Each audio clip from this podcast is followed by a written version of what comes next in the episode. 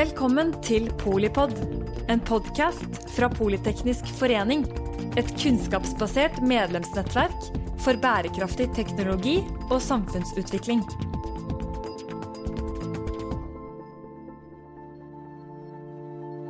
So, welcome to this episode directly from the summit on the modern day nuclear threat and how to respond from the Nobel Peace Center in Oslo in collaboration with ICAN Norway, NORSAR, and Games for Change.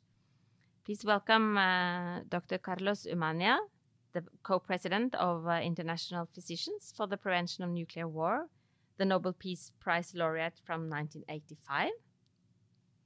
Thank you. Yes, um, it's a pleasure to be here, to be back in Oslo. I used to live here when I was a teenager. I went to high school uh, to Berg videregående skole. En hilse til alle mine klassekamerater fra 1993. Um, IPPNW is uh, International Physicians for the Prevention of Nuclear War, as you just said. It's a federation that mobilizes medical doctors, um, medical students, healthcare professionals, and concerned citizens who wish to create a more peaceful world uh, free from the annihilation of nuclear war. We were granted the 1985 Nobel Peace Prize for, um, I quote, for spreading authoritative information and creating awareness on the catastrophic consequences of nuclear war. Which is great, and which uh, just symbolizes how uh, small the world is, and uh, and the community uh, uh, we need to build to avoid new uh, new threats. Indeed.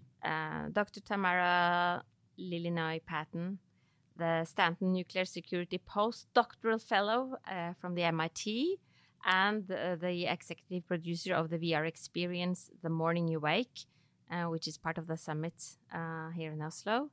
A warm welcome to you as well. Thank you so much for having me. So, what do you do? Uh, yeah, so I am a researcher, um, and my work looks at the intersections of technology, information, and society in shaping nuclear forces, arms control, and disarmament.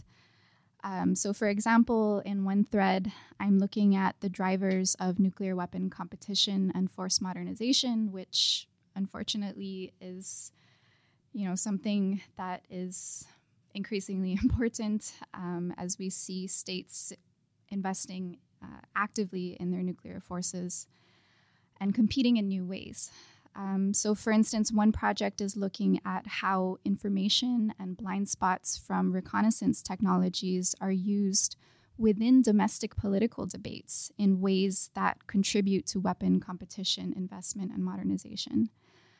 Um, in another thread, I'm looking at the evolution of nuclear disarmament as a transnational advocacy network. Mm-hmm. Um, so, here, um, I'm interested in particular in the indigenous um, resistance movements in Hawaii that are are growing um, now and um, in Oceania and more broadly, um, and their intersection with contemporary processes of militarization in the region.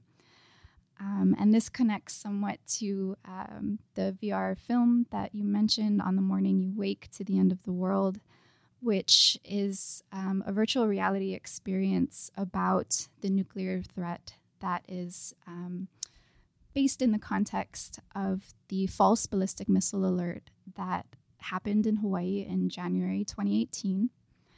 Um, and it's um, it's a very collaborative effort. Many organizations were involved in helping put it together. Um, Games for Change, Archer's Mark, Atlas Five, Princeton's Program on Science and Global Security. Um, we had many partners, as well as people in the islands who offered their personal testimonies of what they went through that day when essentially a text message showed up on their phone saying that a ballistic missile was inbound, take immediate shelter, this is not a drill. Um, and so the film really, it, you know, it tries to, in telling this story, it gives a personal dimension to the problem of nuclear security, which is often treated as very abstract and amorphous, um, and it it makes it personal. It brings the issues closer. It asks people to consider what their own story would be in such a scenario. Mm. um, as a way to start a conversation about is this the kind of world we really want to be living in? I just can't wait to do that uh, VR experience. Uh, I, my slot is in uh, 30 minutes. So uh, if you're listening uh, to the podcast, I still think uh, you have another week to experience it here in in Oslo. Have you seen it or been part of it? I have not seen it or yet? been part of it, but I think you can also, if you if you are into VR, it is also available. So you can yes you can actually if if you, if you it's better to come here because there's a lot of information here at the Nobel Center. But if you cannot, and you have access to some sort of VR headsets, uh, look for it. And uh, yes, yeah. So um, it is uh, freely available from the Oculus Rift store. So um, what we hope um, in getting this out to a broader audience is that you know museums. We hope to have museums host it. Um, obviously, as we're doing here um, universities, um, schools, uh, so that you know even if you don't have a headset at home, you can go to these venues and freely view the experience. Um, so, yeah, hoping hoping people enjoy it and and talk about what they see. yeah. We have a full uh, or um, student network that will uh, certainly dig into uh, it. It's uh, it's also about reaching new generations. But um, Carlos, if I may uh, sort of tell yes. us a little bit more uh, into details of, of your organization's work.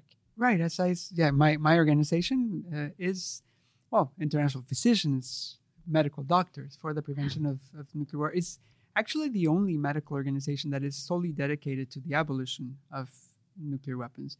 And what this means in practical terms is basically raising awareness from our medical standpoint on the humanitarian impact of nuclear weapons. So this means many things publishing papers, publishing articles in scientific journals with the rest of the healthcare uh, community, doing campaigns, giving lectures, organizing forums, talking to diplomats, doing scientific diplomacy. In, in short, it's basically evidence based policymaking. That means putting science in the, uh, in the service of people and putting people in the center of policymaking, in the center of anything that has to do with nuclear weapons. That is our operate work. globally, or yes, that? we are. Well, we are. Uh, it was started. My organization was started in 1980 by uh, medical doctors from the United States and from then the Soviet Union. Um, the organization spread. Uh, we, uh, won the Nobel Peace Prize in 1985. We are in 60 countries, and we were the ones actually who founded ICAN in 2006. IPPNW founded ICAN. It was started in Australia, and then it grew uh, massively.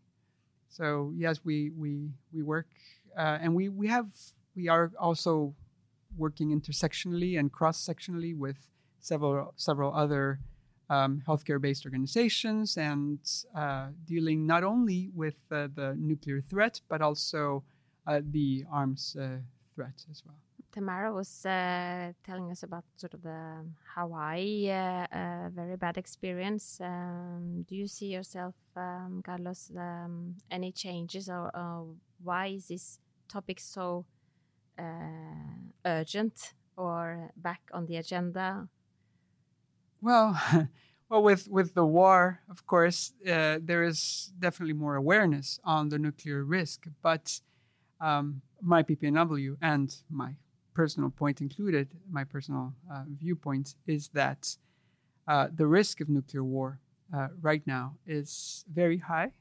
Is it's higher perhaps than it has ever been, and uh, that's due to many to many issues. But when we talk about a, a nuclear war we have to also first talk about what a, a, nu- a single nuclear detonation is, right? Many people associate nuclear weapons to just a big explosion that mm. destroys everything. It's a little bit more complicated than that. Because of the heat, the shock wave, and the radiation, it, nuclear weapons, of course, cause a massive destruction. They, for example, a single um, tactical nuclear warhead, that is the ones that are being explicitly threatened to be used by Russia, can, if it's detonated in a large city, it can cause hundreds of thousands of immediate deaths, but also many more injured people. And when we talk about injured people, we're talking about radiation injuries. The acute radiation is a very painful, very painful acute radiation syndrome, a very painful thing to suffer that causes the breakdown of uh, vital organs and systems. And the people who suffer this will have to suffer this alone because because because of the um, destruction of the infrastructure and the radiation. There's no help available to them. No red cross will be able to to go and help them. No doctors. No doctors no nurses nothing right? It, the ones that were in the city were likely very much all of them destroyed and any external help is also um, not going to not going to happen because of the destruction and the radiation and now like the people who do survive all of this will have the chronic radiation syndrome, which includes problems with healing, problems with the immune system, uh, several types of cancer, birth defects, um, intergenerational effects as well, with a higher incidence of cancer, etc. However, if we're talking about a nuclear war, we're not talking about one or two detonations. We're talking about many detonations with more powerful nuclear weapons over many, many cities. And aside from the many victims and the many injured people, we're talking here in the hundreds of millions, and the big devastation of, to the environment and the radiation that spreads globally, uh, we're also talking about a nuclear winter. That means that the soot and debris from the burning cities rises to the stratosphere, produces an intense blockage of the sunlight, and that causes the temperature to lower drastically. And what this means is that many food chains will not be able to survive such a drastic change. Many food chains will not be able to survive uh, the very the intense cold and the prolonged lack of sunlight. So a nuclear winter is definitely, if it happens, it's it's the demise of our civilization, the demise of many species, and very likely even of our own species. Now, when we talk about the risk, there's about 1,800, 1,800 nuclear warheads in a state of high alert. That, that means that they're ready to be detonated within minutes um, in the world. Uh, and these systems are connected to alert systems that uh, all, vul- all are all vulnerable to uh, cyber attacks and to uh, technical and human error. And there have been more than 1,000 accidents with the US, United States nuclear weapons arsenal alone. And that we know of, there have been six occasions that the world has been at the brink of a nuclear war by accident or miscalculation. And now, in this since war, the Second World War, since the, since yes, Mhm. yes, since since the nuclear age Mhm. that we know of, there's been six occasions in which we have almost been in a nuclear war even without a world war going on. In this context, though, that we have where we have um, several red lines that have already been crossed, and where the use of nuclear weapons is on the table, and there's been nuclear weapons threats, the risk of miscalculation and misinterpretation is very high, and something could go wrong. So if we cross that threshold, if a nuclear weapon is used the the the probability of this escalating to a nuclear weapon to, to a nuclear war is is very high and there's really no going back from a nuclear war we simply cannot make that uh, No. happen. no we have to You avoid planned that. the, uh, or you started on the um, sort of uh, your VR experience just after the the false alarm in 2018 in Hawaii. Uh, four years later, um, timing is even more relevant, at least seen from from Europe. How do you uh, foresee, or how do you uh, sort of experience the the relevance across uh, across the globe? Yeah, it's um, it's a it's a difficult and interesting question because as as Carlos is mentioning all of these false alarms and you know times times we almost went to nuclear war. it just, if you look at history, there have been so many opportunities to learn from our mistakes and to change our policy and change our direction mm. that we haven't taken advantage of. So the Hawaii false ballistic missile alert is just yet another one of those missed opportunities. Um, you saw the reaction to um, that event, which was to fire the person who um, sent out the alert. Um, and this was a person who really, you know, he just thought he was doing his job. He had no ill intent. He misheard um, a recording saying um, that a ballistic missile was inbound, and he didn't hear the portion of the recording that said, This is a drill, this is a drill. So he sent out the alert with good intentions, thinking that this was the right thing to do. So, you know, the policy response to this huge mess was to pin it on this person and say he was the problem. And we fired him, and now he's gone. So the problem is solved, and we can all go on with our lives. And you know, as we know and as we see with what's happening now today in Russia or with the crisis in Ukraine, um, that's clearly not the case. Um, so when we try to think about solutions, it's obviously, you know, a very complicated question. Um, but I think as a starting point, it's worth looking both at how states are competing militarily um, together with attention to the civil society response and resistance to these processes of militarization, um, to see how they intersect and the opportunities for creating change. So, um, personally, I've tried to arrange my work with parallel projects in these two areas. Um, in terms of uh, competition, I think, you know, attempts to halt the now very fast moving nuclear weapon modernization programs of several states will really require breaking down arguments for why states are building these weapons and how they're justifying them to their domestic appropriations committees um, within their governments, because doing so reveals how very tenuous, subjective, and even sometimes illogical the arguments actually are. Um, so, historical analysis um, in the case of the US, for example, shows how information and blind spots from intelligence and reconnaissance technologies were used in many cases to bolster the case for retaining some very controversial nuclear weapon programs, um, such as anti ballistic missiles, uh, mobile missiles, all of which were considered for bans. Um, these were shoved aside um, using, you know, strategically framed information and blind spots um, to diminish disarmament and bans as a policy choice. Um, so I think that's one important area of work. Um, next to this, as Carlos mentioned, it's you know nuclear disarmament as an advocacy and public engagement network. Um, I think attention there is extremely important understanding how we can best uh, communicate and engage with the public.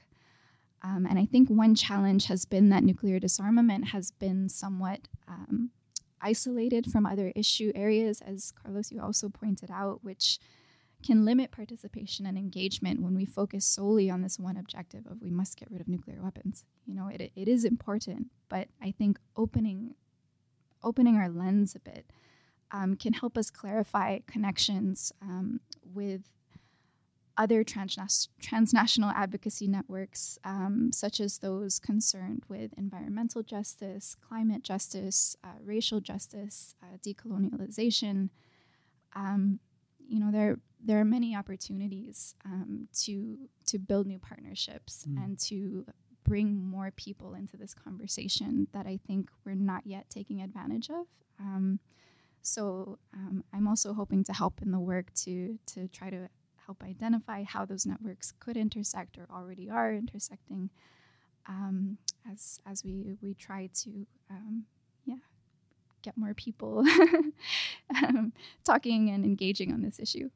More people and from my side. Uh, uh, also uh, new generations. I think uh, Yes. as I myself grew up, uh, we were rather aware of uh, of the nuclear weapons threat in the 80s.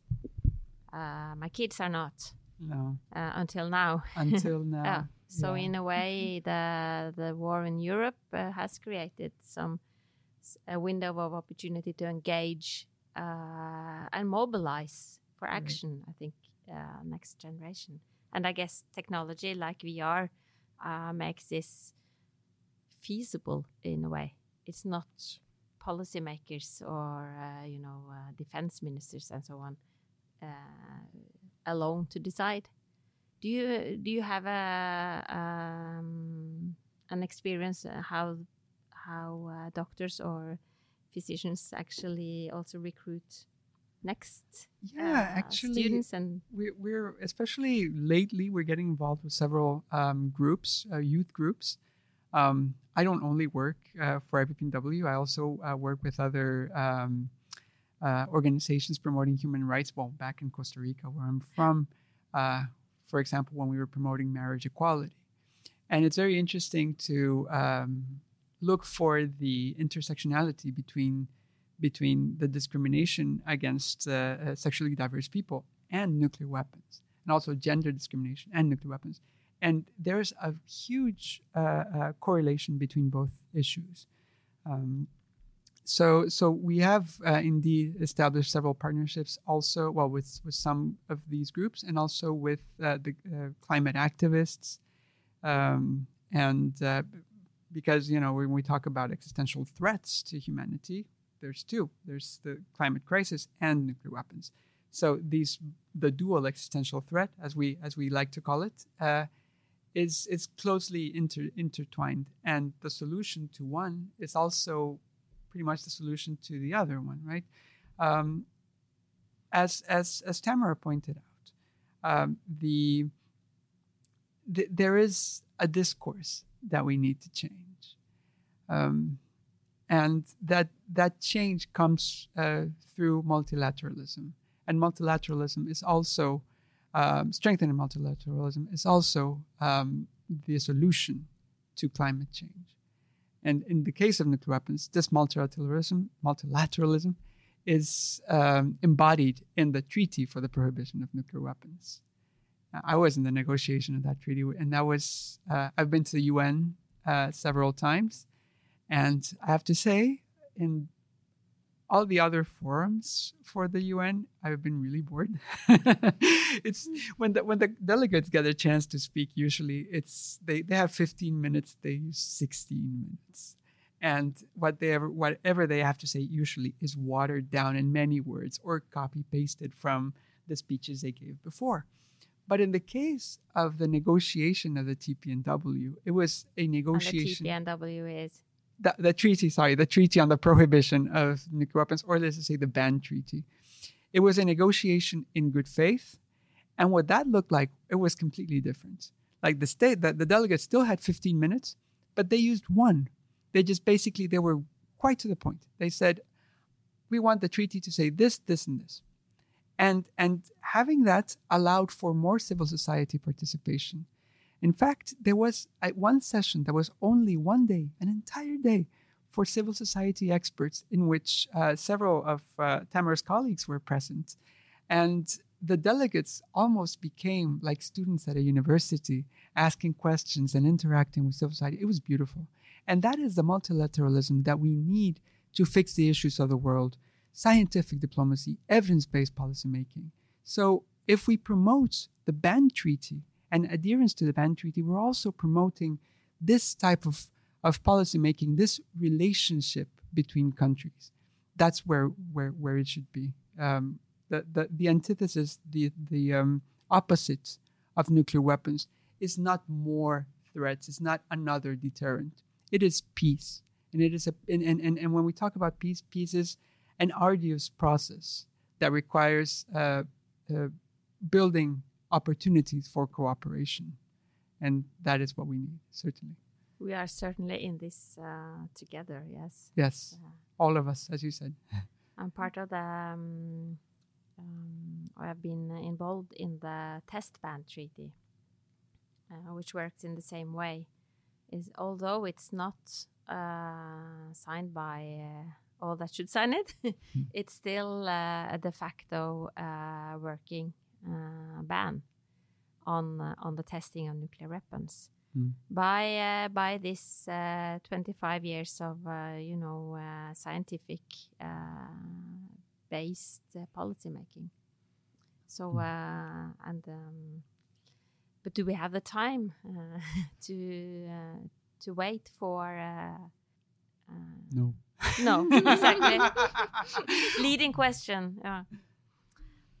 Tamara, You've uh, already been on stage uh, at the summit here in Oslo. You um, you are uh, a great uh, what do you say formidler in uh, English? It's communicator uh, telling this story. Yes.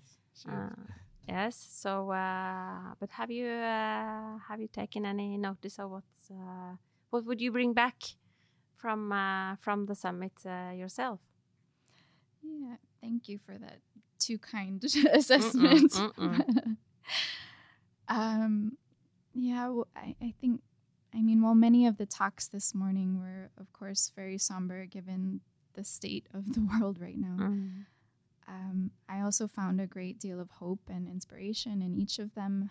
Um, I mean, as Carlos mentioned, this running thread throughout everyone's remarks um, is this is really a year to focus, um, not the only year, but a year to especially focus on the Treaty on the Prohibition of Nuclear Weapons, um, which is, as um, you know, and, and Beatrice Fihn has probably already talked about in detail um, on this show, um, is you know having its first meeting of states parties this year. And I think it is really a priority for, for all of us to come together um, as civil society actors to support states and the process um, however we can as they get this system up and running. Um, because as this this new element of the international ecosystem of organizations that deal with nuclear weapons, um, the TPNW will be such an important vehicle um, for really breathing new life into nuclear disarmament work because this, you know, we really, the international system hasn't had a space for this before. Um, we have the, you know, the Comprehensive Test Ban Treaty to deal with testing, which is, of course, fantastic. We have the International Atomic Energy Agency and the Nonproliferation Treaty to deal with nonproliferation and preventing the spread of nuclear weapons. But real sustained thinking and research and you know engagement on nuclear disarmament has been missing. It's it's been largely the um, left to you know our, our very valuable civil society groups, but in terms of the official level, you know it, it hasn't had a presence, and this is the first time you know this meeting this year that it will have a presence. Mm. Um, so you know I think coming together to do all we can to help integrate it into this institutional and legal landscape in ways that will hopefully pave the way uh, for an enduring and sustainable world without nuclear weapons, and hopefully one that is also more broadly uh, demilitarized. Uh, so a lot of work yet to be done, uh, but I'm excited for for all that our colleagues um, are doing, and um, yeah, happy to to help however I can in, in mm-hmm. a small way. But um, yeah, um, I'll leave it there. Will 2022 be the year that everything changed, uh, Carlos? uh, it's uh, certainly starting from so. the summit here and then. yes, I mean there there are many positive signs. I'm now living in Madrid and I'm seeing uh, a movement growing there as well, and more and more and more political engagement. There's been new elections in Australia and Australia has been also under the quote unquote nuclear umbrella, which the Swedes now, the, the Swedish civil society is now calling the nuclear shadow because it's not really protection, but more of a threat.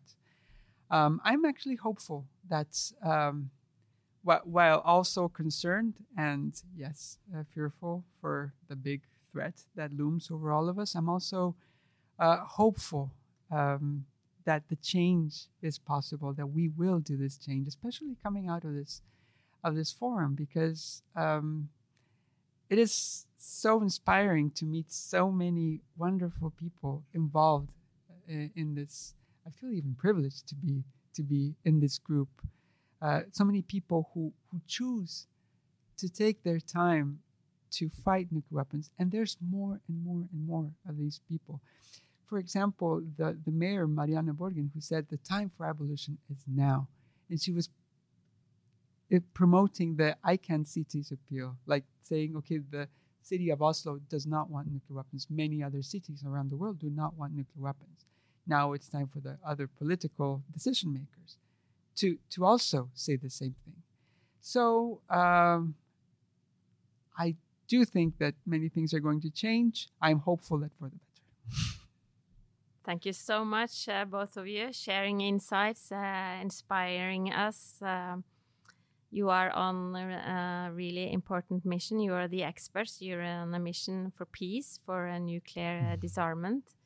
Um, thank you for uh, inspiring with your uh, making us a bit more aware and maybe a bit more in a position to dare to take action, even if for both the young and and uh, old uh, listeners. We um, please do yes. Yeah, exactly. we now know a little bit more about the complex uh, reality of uh, of the nuclear weapons and the threat, and not at least the humanitarian consequences. Uh, we know a little bit more about how to verify and respond accordingly, and we are so much more um, inspired by uh, by why this matters uh, and uh, why I am uh, part of, of the solution. So thank you very much, uh, Carlos. Yes, just just uh, uh, basically, um, yes, we must all get involved. The, the, the nuclear weapons issue sounds very complex, but it is actually quite simple. If we look at the threat they cause and what they represent, the conclusion is nuclear weapons must go. It is either the end of nuclear weapons or the end of us. So let us work together for this cause because we need a paradigm change. We need for all of us to get involved in this and to change everybody's mind. So please do get involved. We need you. We need you in this cause. I agree. Thank you so much, uh, Dr. Tamara Lilinoy Patton, the Stanton Nuclear Security uh, postdoctoral fellow uh, from MIT and the executive producer of the VR experience, The Morning You Wake, to the End of the World. Thank you so much, uh, Dr. Carlos Umaña, the co president of International Physicians for the Prevention of Nuclear War and uh, representing the Nobel Peace Prize laureate from 1985. And not at least, thank you for listening to this uh, episode of uh, Polypod from the Norwegian Polytechnic Society, directly from the summit at the Nobel Peace uh, Center in Oslo, in collaboration with ICAN Norway, NORSAR, and Games for Change. And as the, your host today, uh, I'm the Secretary General of the um, Polytechnic Society. And I just have to finish off by wishing us all peace on earth. Takk for at du lyttet til Polipod fra Politeknisk forening. Få med deg flere episoder, eller bli med på nettverksmøtene som du finner på at polyteknisk.